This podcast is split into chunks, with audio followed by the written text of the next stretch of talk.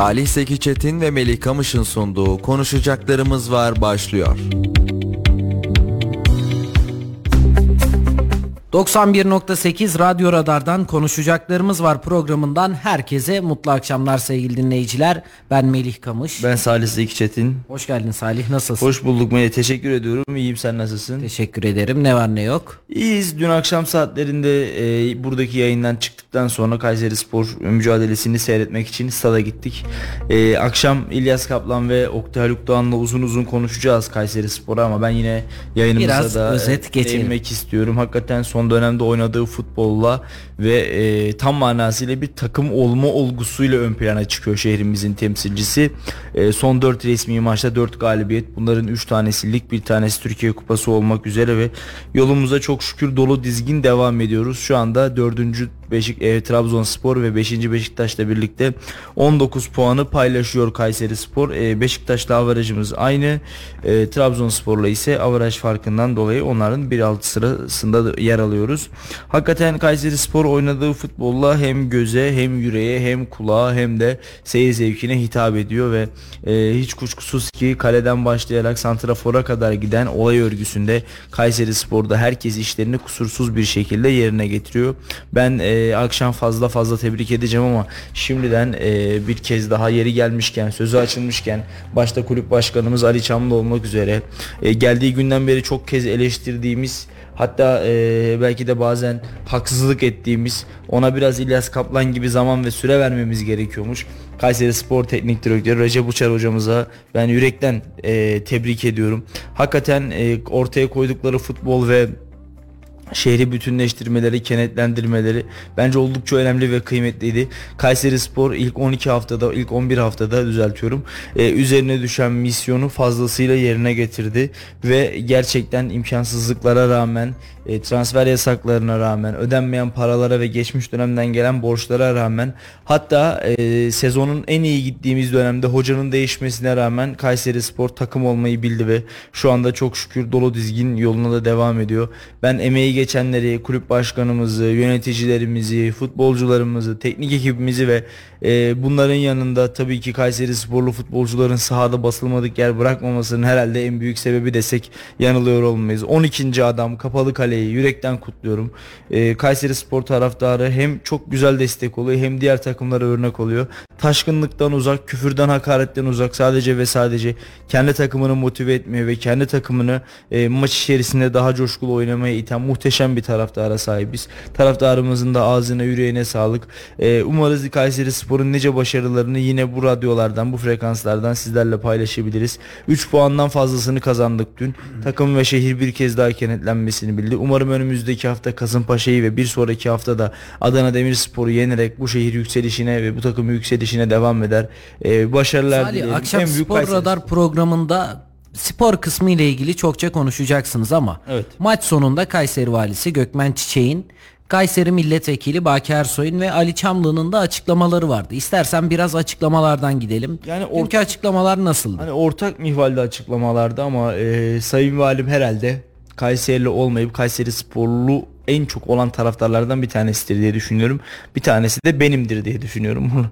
Burada hiç mütevazı olamayacağım. Çünkü Kayseri spor söz konusu olduğunda hani e, hakikaten her yıl bir şekilde üzerimize düşeni yapmaya gayret gösteriyoruz. Gerek alışveriş yapıyoruz store'dan, e, gerek yardım kampanyalarına katılıyoruz vesaire ama Sayın Valimizin tabii itici gücü burada çok önemli. E, Avrupa'da görmek istiyoruz Kayseri Spor'u dedi. Biz de Kayseri Spor Avrupa'da görmek istiyoruz. Yani hazır şehir bu kadar kenetlenmişken, bu kadar birleşmişken ve Kayseri Spor'da maçları birbiri ardınca kazanıyorken neden olmasın? Yine e, Kayseri Milletvekili Baki Ersoy ki gerçekten geçtiğimiz yıllarda Kayseri Spor zor gündeyken, dar gündeyken, Kayseri Spor borç batağında boğuşurken, mücadele ederken, transfer yasaklarıyla cebelleşirken her daim tribünlerde, yeri geldi locada, yeri geldi Sayın Valimizin, belediye başkanımızın yanında, yeri geldi Kapalı Kale'nin tam ortasında gördük Baki Ersoy'u. Adeta tribünlerde adım atmadık yer bırakmadı ve gerçekten e, bir şehir takımına ne kadar sahip çıkılırsa o kadar çok sahip çıkılır çıktı Kayseri Spor'a. E, o yüzden Baki Vekil'e ne kadar parantez açacak, açsak az zaten. E, dün akşam da güzel bir konuşma yaptı. E, hani böyle birleştirici, gurur verici ve şehrin kenetlenmesini sağlayacak Kayseri Spor e, denkleminde buluşmasını sağlayacak bir konuşma yaptı. Kayseri Spor kazandığı zaman şehir mutlu, bizler mutlu, futbolcular mutlu, taraftarlar mutlu.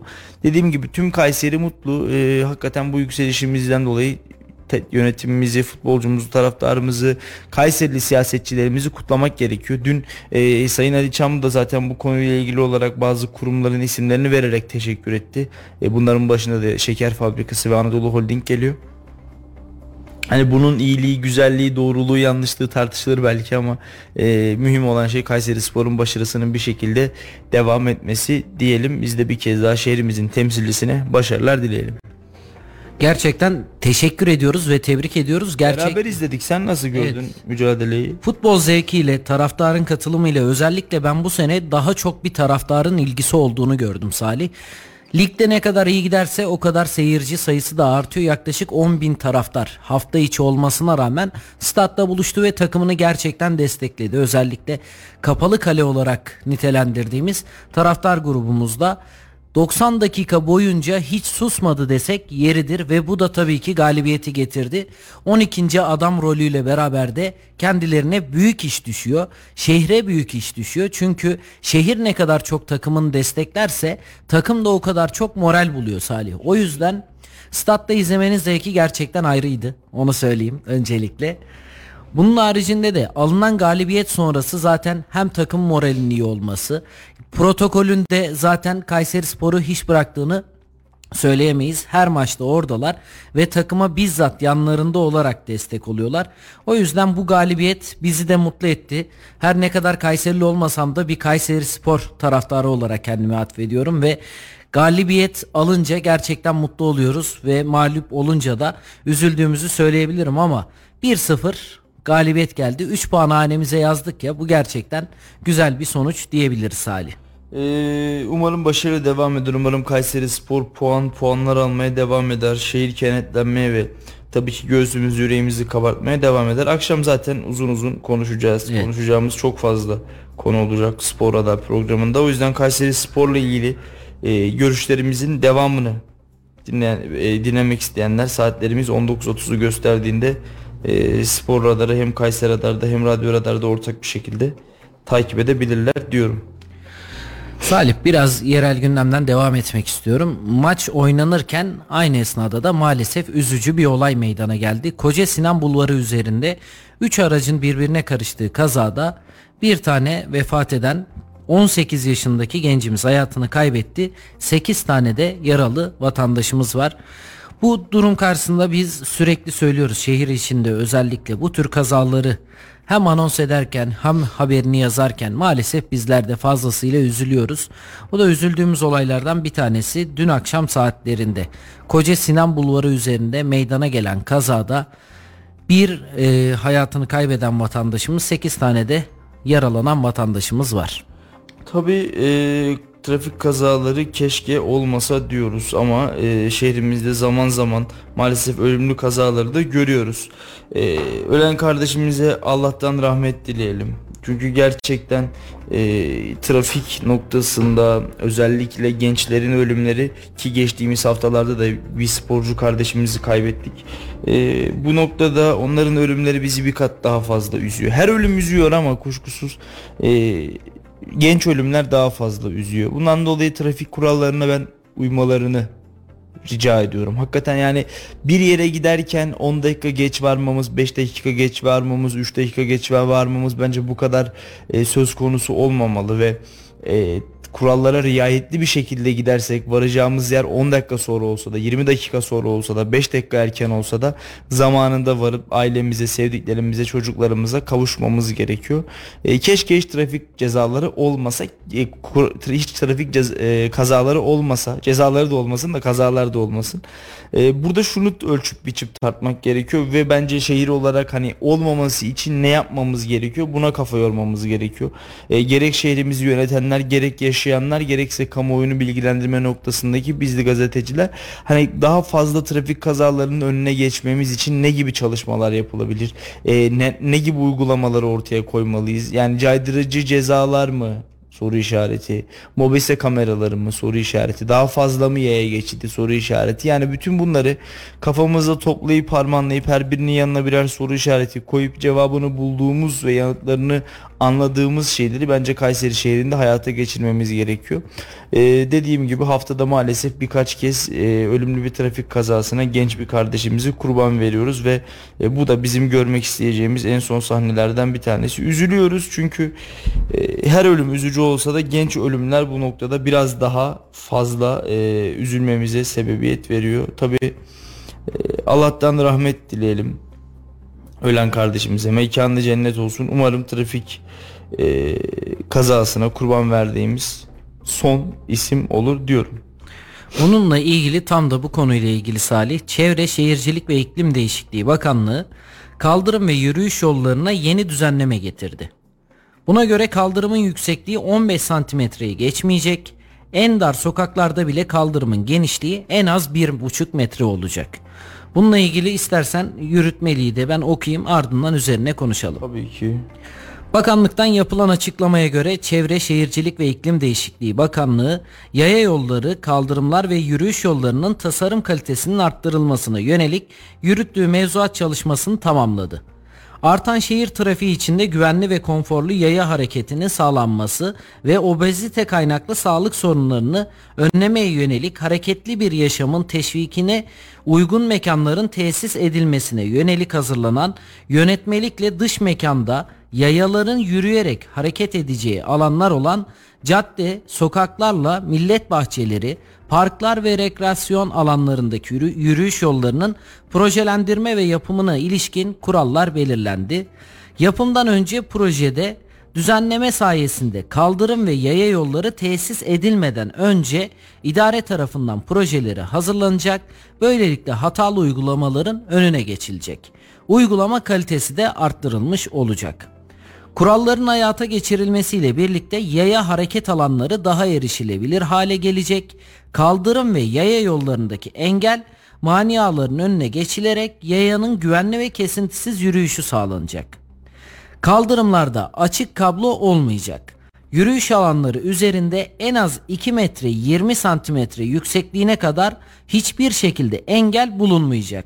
Bu yüksekliğin altında kalan yaya geçidi ve merdiven altları uygun yöntemlerle kapatılacak. Yaya yollarında insanlar için tehlike arz eden çukur ve engellere müsaade edilmeyecek. Düşme tehlikesi olan alanlar için korkuluk gibi önlemler alınacak. Elektrik kabloları kaldırım üzerinde açıkta bırakılmayacak. Yaya yolları ve kaldırımların aydınlatılmasında yönetmelikte belirtilen kurallara uyulacak. İnşaatlar oluyor bazen kaldırımlardan giderken ve bizler de caddeden gitmek zorunda kalıyoruz. Bununla ilgili de yönetmelikte değişiklik yapılmış. Yönetmelik kapsamında kaldırım kenarında inşaat çalışması yapılması durumunda yayaları tehlikeye atmayacak tedbirler alınacak. Kaldırım 1,5 metreden yakın ve 2,5 metre yüksekliğin üzerinde inşai faaliyetler yapılması halinde kaldırım üzerine korumalı geçit yapılacak. Yayaların en büyük sorunlarından olan yaya hareket alanları üzerine taşıtların park etmesi önlenmesi için ilgili idarece koruyucu engeller konulacak. Biz bazen engelli yolları ile ilgili farkındalık oluşturmak amacıyla da paylaşıyoruz.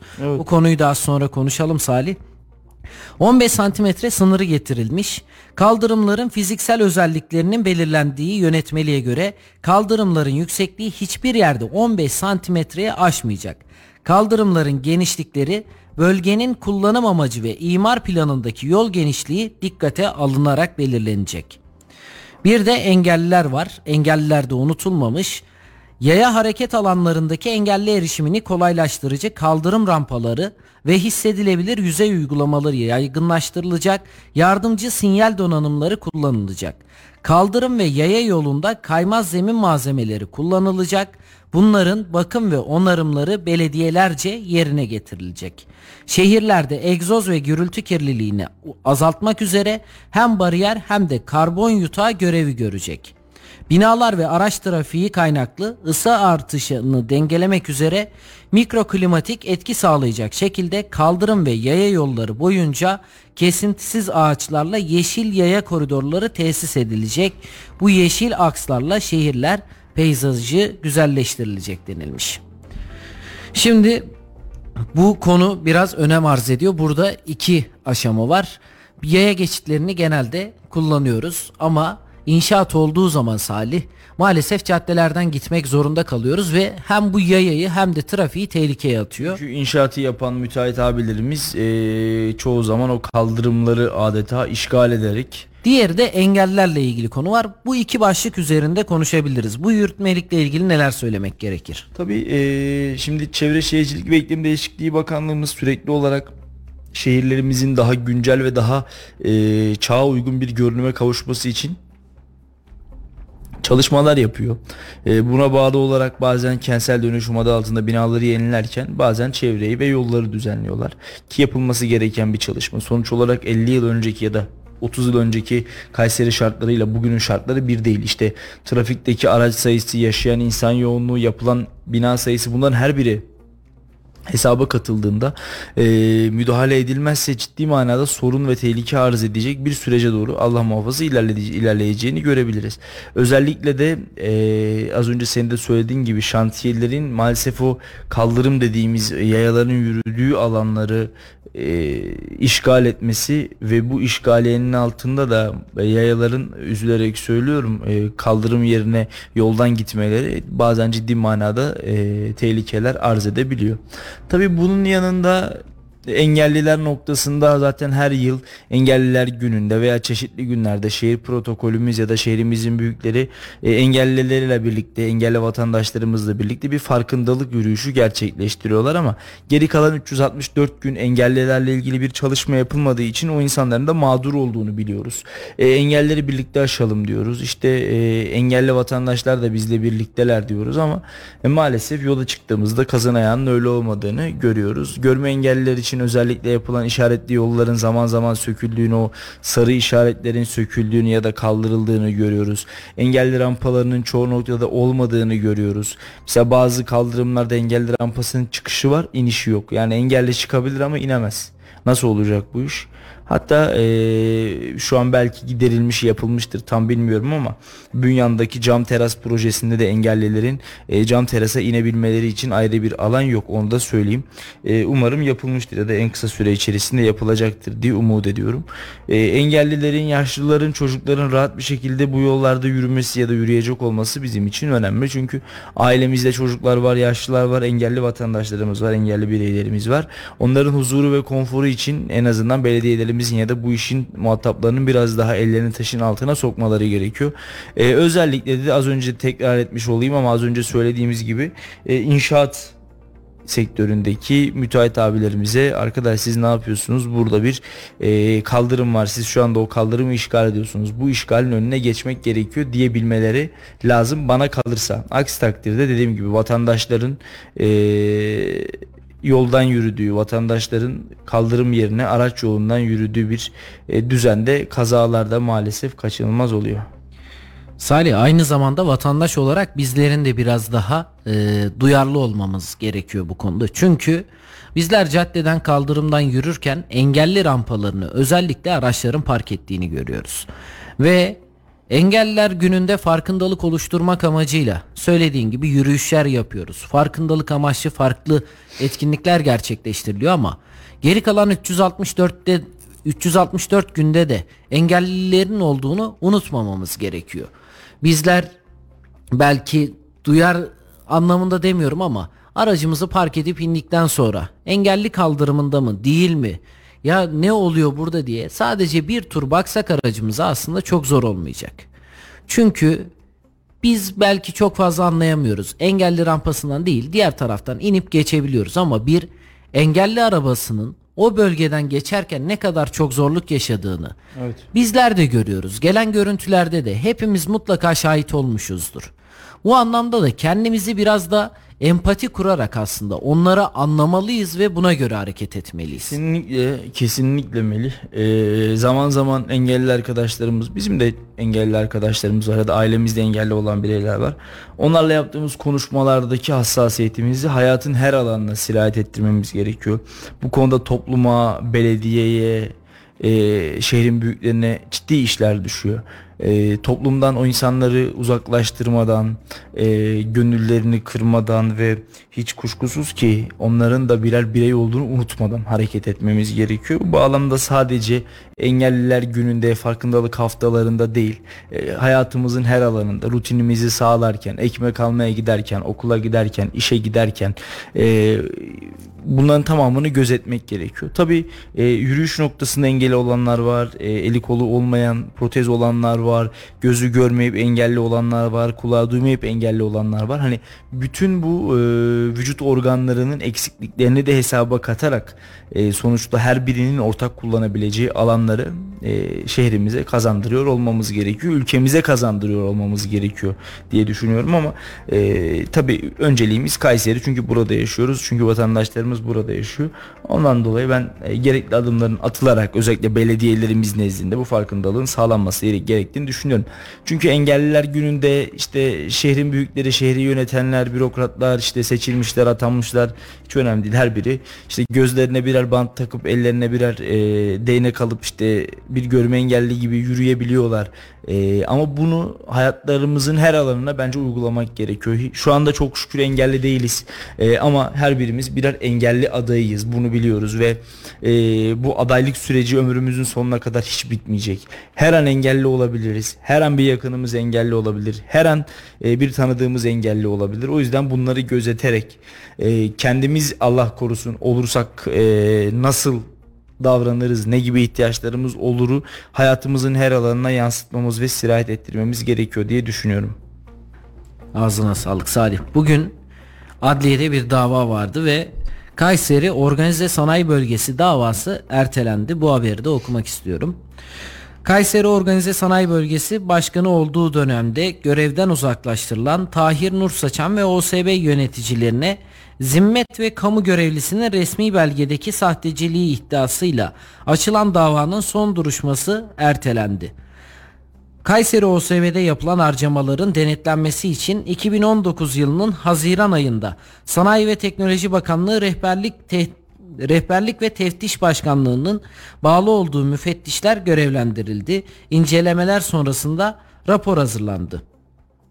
Ee, üçüncü Ağır Ceza Mahkemesi'ne 3. Ağır Ceza Mahkemesi'nde görülen davada tutuksuz sanıklar katılmazken avukatları davada hazır bulundu. Mahkeme eksiklerin giderilmesi için duruşmayı ileri bir tarihe gönderdi. Günün gündemlerinden bir haberimiz. Aslında karar çıkmasını beklediğimiz bir duruşmaydı. Kayseri kamuoyunu ciddi manada meşgul eden ve e, geçtiğimiz yıllarda da Sayın Nur Saçan'ın özellikle görevde olduğu dönemde e, ortaya atılan iddiaları fazlasıyla hatırladığımız, bildiğimiz ve e, gördüğümüz bir davaydı detaylarıyla. Kararı Yüce Türk Yargısı verecek. E, sonucunu bekliyorduk ama sonuç gelmedi. Dava ertelendi. Artık bir sonraki duruşma gününe e, hem Tahir Nur hakkındaki kararın hem de OSB hakkındaki kararın e, nihayete ermesini bekliyoruz. Şehrimiz için hayırlısı olsun. Umarım kazanan sanayicimiz olur. İnşallah. Salih e, bir de meteoroloji ile ilgili bir haberimiz var. Sonra da ülke genelinden siyasetle devam edelim. Bugün Meteoroloji Genel Müdürlüğü hava sıcaklığının bir süre daha mevsim normallerinin üzerinde devam edeceğini açıkladı. Kasım ayına geldik. Normalde Kasım ayı dediğimizde sonbahara girdik. İşte kışa bir şey kalmadı. Bu havada en azından yani kazakları giymiş olmamız gerekiyordu. Ama şu an baktığımda kısa kolluyla geziyorsun. Dışarı çıksan da çok fazla bir şey fark etmiyor aslında. Tam manasıyla ilkbahar ve sonbahar mevsimlerinin değil, yazdan kışa, kıştan yaza geçtiğimiz mevsimlerin hakim olduğunu görüyoruz son dönemlerde. İklim değişikliği olarak da konuştuğumuz ve bakanlık olarak da ismin değiştirilmesiyle beraber ülkede de fazlasıyla önlemleri aldığımız zamanları geçiriyoruz. Sadece Türkiye değil dünyada da iklim krizi hakeza devam ediyor. Bu konuyla ilgili neler söylemek gerekir? Biraz bu konuya parantez açalım istiyorum. Ee, dünyanın ortak kaygısı dünyanın gözünü kulağını çevirdiği ortak noktalardan bir tanesi de iklim krizi. Çünkü e, her birimizi ilgilendiren, gelecek kuşakları ve nesilleri ilgilendiren ve e, belki de önümüzdeki yıllardaki hayatımızın şekillenmesine, değişmesine ve buna bağlı olarak değişkenlik göstermesine sebebiyet verecek en önemli etmenlerden bir tanesi işte iklimsel olarak yaşamış olduğumuz e, problemler, sıkıntılar. Tabii bütün bunları yaparken Melih e, bakanlığımızın isminin değişmiş olması, ülkemizde belli adımların atılıyor olması, işte dizel araçların Avrupa ülkelerinde ve bizim ülkemizde yavaş yavaş yasaklanıyor hale gelmesi, e, kendi kendine yeten ve üretilebilir, yenilenebilir enerji kaynaklarına hızlı bir şekilde dönüş yapıyor olmamız ve 2030'lara, 2050 yıllarına geldiğimizde dünyanın nasıl bir yer olacağı hususunda çalışmaları bu kadar hızlı bir şekilde yürütüyor olmamız e, iklim değişikliği noktamızdaki mücadelemizi gösteriyor. Ama bu mücadele yeterli mi? Yani bu mücadele yeterli olur mu, olacak olacak mı? E, bunu önümüzdeki günlerde ve süreçte göreceğiz. Çünkü dünya ısısının bir derece arttığını biliyoruz. Son 150 yılda sanayi devrimiyle birlikte e, Haseki Bakan'ın söylemiyle bir derece daha artarsa bizi ciddi felaketler bekliyor. Ondan dolayı biz ülke olarak ve dünyadaki diğer devletler olarak onlar da üzerine düşeni yaptıklarını düşünüyoruz. E, iklim krizi hususunda e, gerçekten her zaman bizleri bekleyen kapıda ciddi felaketler yatıyor.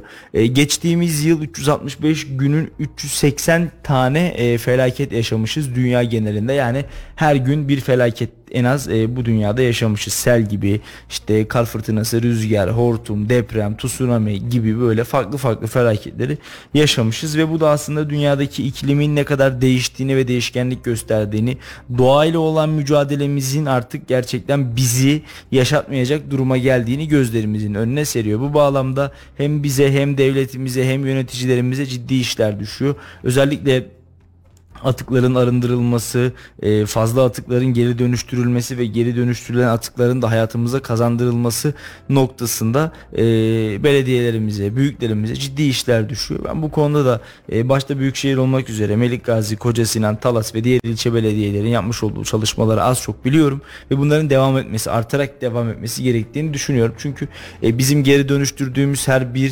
kilogram çöp bile bizim ülkemizin milli serveti, bizim ülkemizin aslında aslında karbon salınımı ve bunların önlenmesi, bunların geri dönüştürülmesi de çocuklarımıza, torunlarımıza olan borcumuz. Çünkü onlar bu dünyaya geldiklerinde belki bizler olmayacağız, belki bu nesil olmayacak ama onlara yaşanır bir dünyayı bırakıyor olabilmemiz gerekiyor. Tıpkı bizden öncekilerin bize bıraktığı bu yaşanır dünya gibi.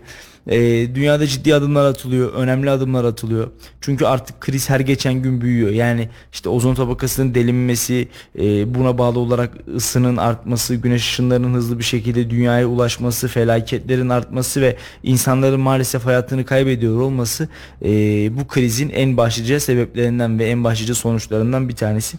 E, bundan dolayı da hızla ve defaatle e, ben tüm dünya ülkeleri adına tüm dünya ülkeleri olarak e, iklim kriziyle mücadele edilmesini ve bunun arttırılarak sürdürülmesi gerektiğini düşünüyorum. E, bizim de zaten Çevre Şehircilik ve İklim Değişikliği Bakanımız hemşerimiz, e, medar iftarımız Sayın Mehmet Özsasaki onun da ciddi çalışmaları var. Umarız e, el birliğiyle hep beraber tüm dünya insanlığı olarak küresel krizle ve küresel ısınmayla olan mücadelemizden galip çıkan taraf biz olabiliriz diye umut ediyorum.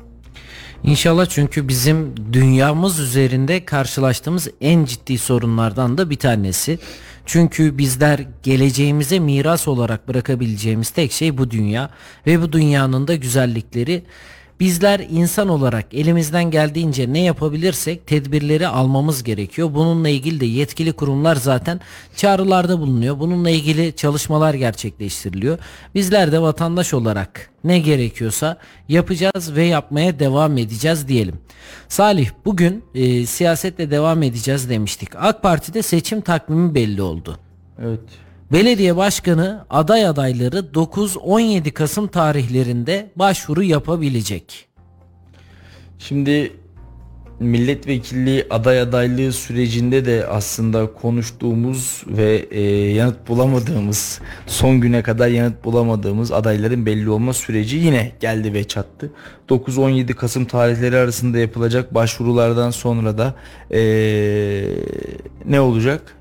Yavaş yavaş hem AK Parti'de hem diğer partilerde belediye başkan adayları şekillenmiş ve karşımıza geliyor olacak.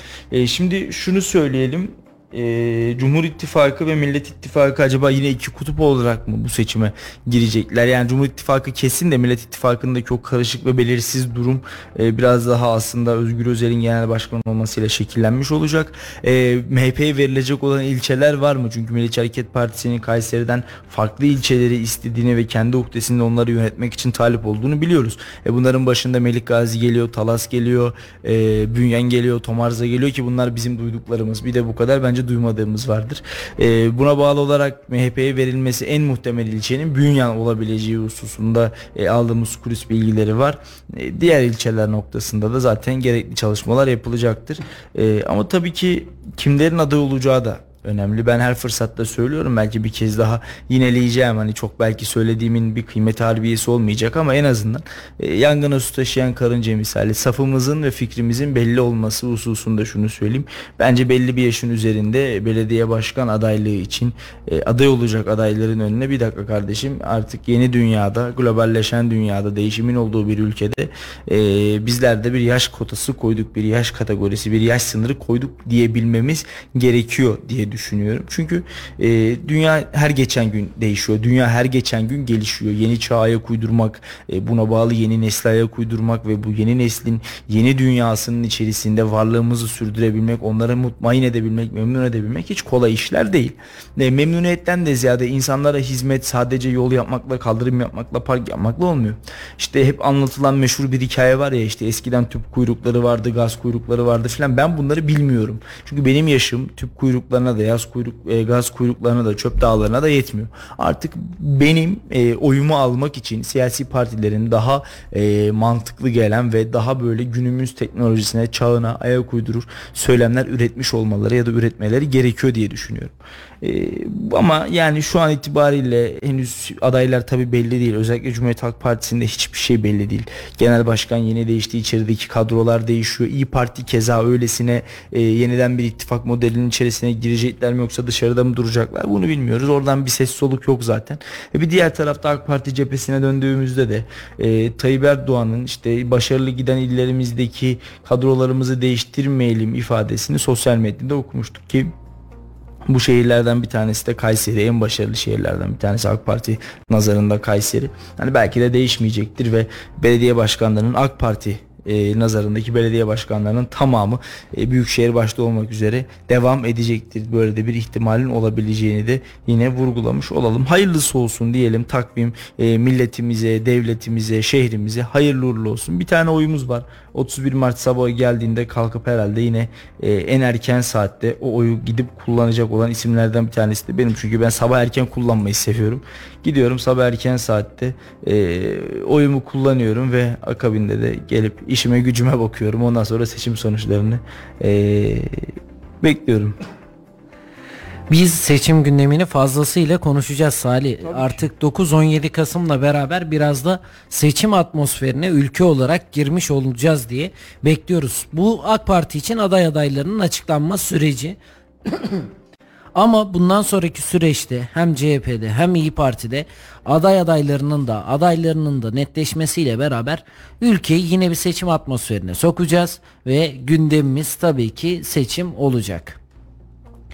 Salih son olarak var mı eklemek istediğin yavaş yavaş da programımızın sonuna geliyoruz. Teşekkür ediyorum Melih sana da saatler 19.30'u gösterdiğinde ben yeniden burada olacağım ve İlyas Kaplan'la birlikte e, spor gündemini yorumlayacağız. Oktay Haluk'tan bugün bir seyahatte olduğu için e, programımıza katılamayacakmış ama e, kendisinin düşüncelerinin bizle olduğunu bilmek de güzel. Bu arada ünlülerin yılbaşında ne kadar alacakları açıklanmış. Ben istersen çok kısa onları okuyayım.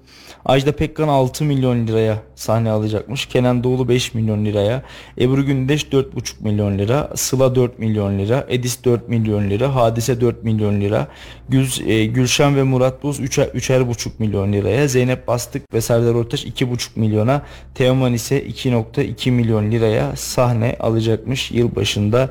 Valla dudak uçuklatan rakamlar hani birçok insanın maaşta çalışan birçok insanın e, bırak hayalini kurduğu e, rüyasında bile e, görebileceği rakamlar değil bunlar. Ondan dolayı e, ben anlamlandıramıyorum böyle günlerde insanların sahneye çıkıp böyle milyon milyon paraları ceplerine koyup götürmelerini. Ben anlamlandıramıyorum ama vatandaş memnun demek ki. Onu oraya çıkartan, orada dinleyen herkes memnun demek ki. O yüzden söyleyecek çok da bir şey yok. Helal olsun diyelim. Güzel para. Yani 5 milyon, 6 milyon. Tabii yani Ajda, Ajda Pekkan 6 milyon alacakmış. Ajda Pekkan bu arada benim anneannemle yaşıt onu da. Yani Me- Merve de gülüyor onun anneannesinden büyük o zannedersen. Babaannesi, onun da babaannesiyle eşitmiş yani. Yani bunlar olmaya devam ediyor. Bence tasarruf tedbirleri kapsamında yapılan en güzel, en nitelikli işlerden bir tanesi oldu Salih. Yani sanatçılara devasa paralar veriyorduk. Kesinlikle. Yani kurumlar olarak verdiğimiz paraları duyunca işte bu yılbaşı için hadi yılbaşı olmasa yarı fiyat olsun yani çok da büyük bir şey kaybetmiyoruz. Yani 6 milyondan inebileceği en fazla 3 milyondur yani Ajda Pekkan'ın. Yani bu saatten sonra yani nereye iner nasıl iner bilmiyorum ama hani şimdi biz her dönemde gençleşmeyi konuşuyoruz. Ajda Pekkan da bence bu dö- dönüşümü artık ayak uydurması gerekip sahneleri e, bırakması gereken isimlerin başında geliyor.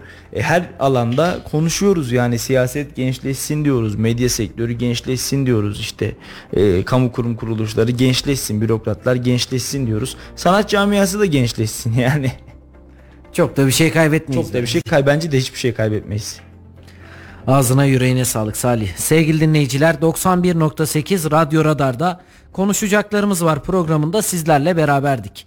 Bizi dinlediğiniz için, bize vakit ayırdığınız için her birinize ayrı ayrı teşekkür ediyoruz. Yeni yayınlarda görüşünceye dek hoş kalın, hoşça kalın. Salih Seki Çetin ve Melih Kamış'ın sunduğu konuşacaklarımız var sona erdi.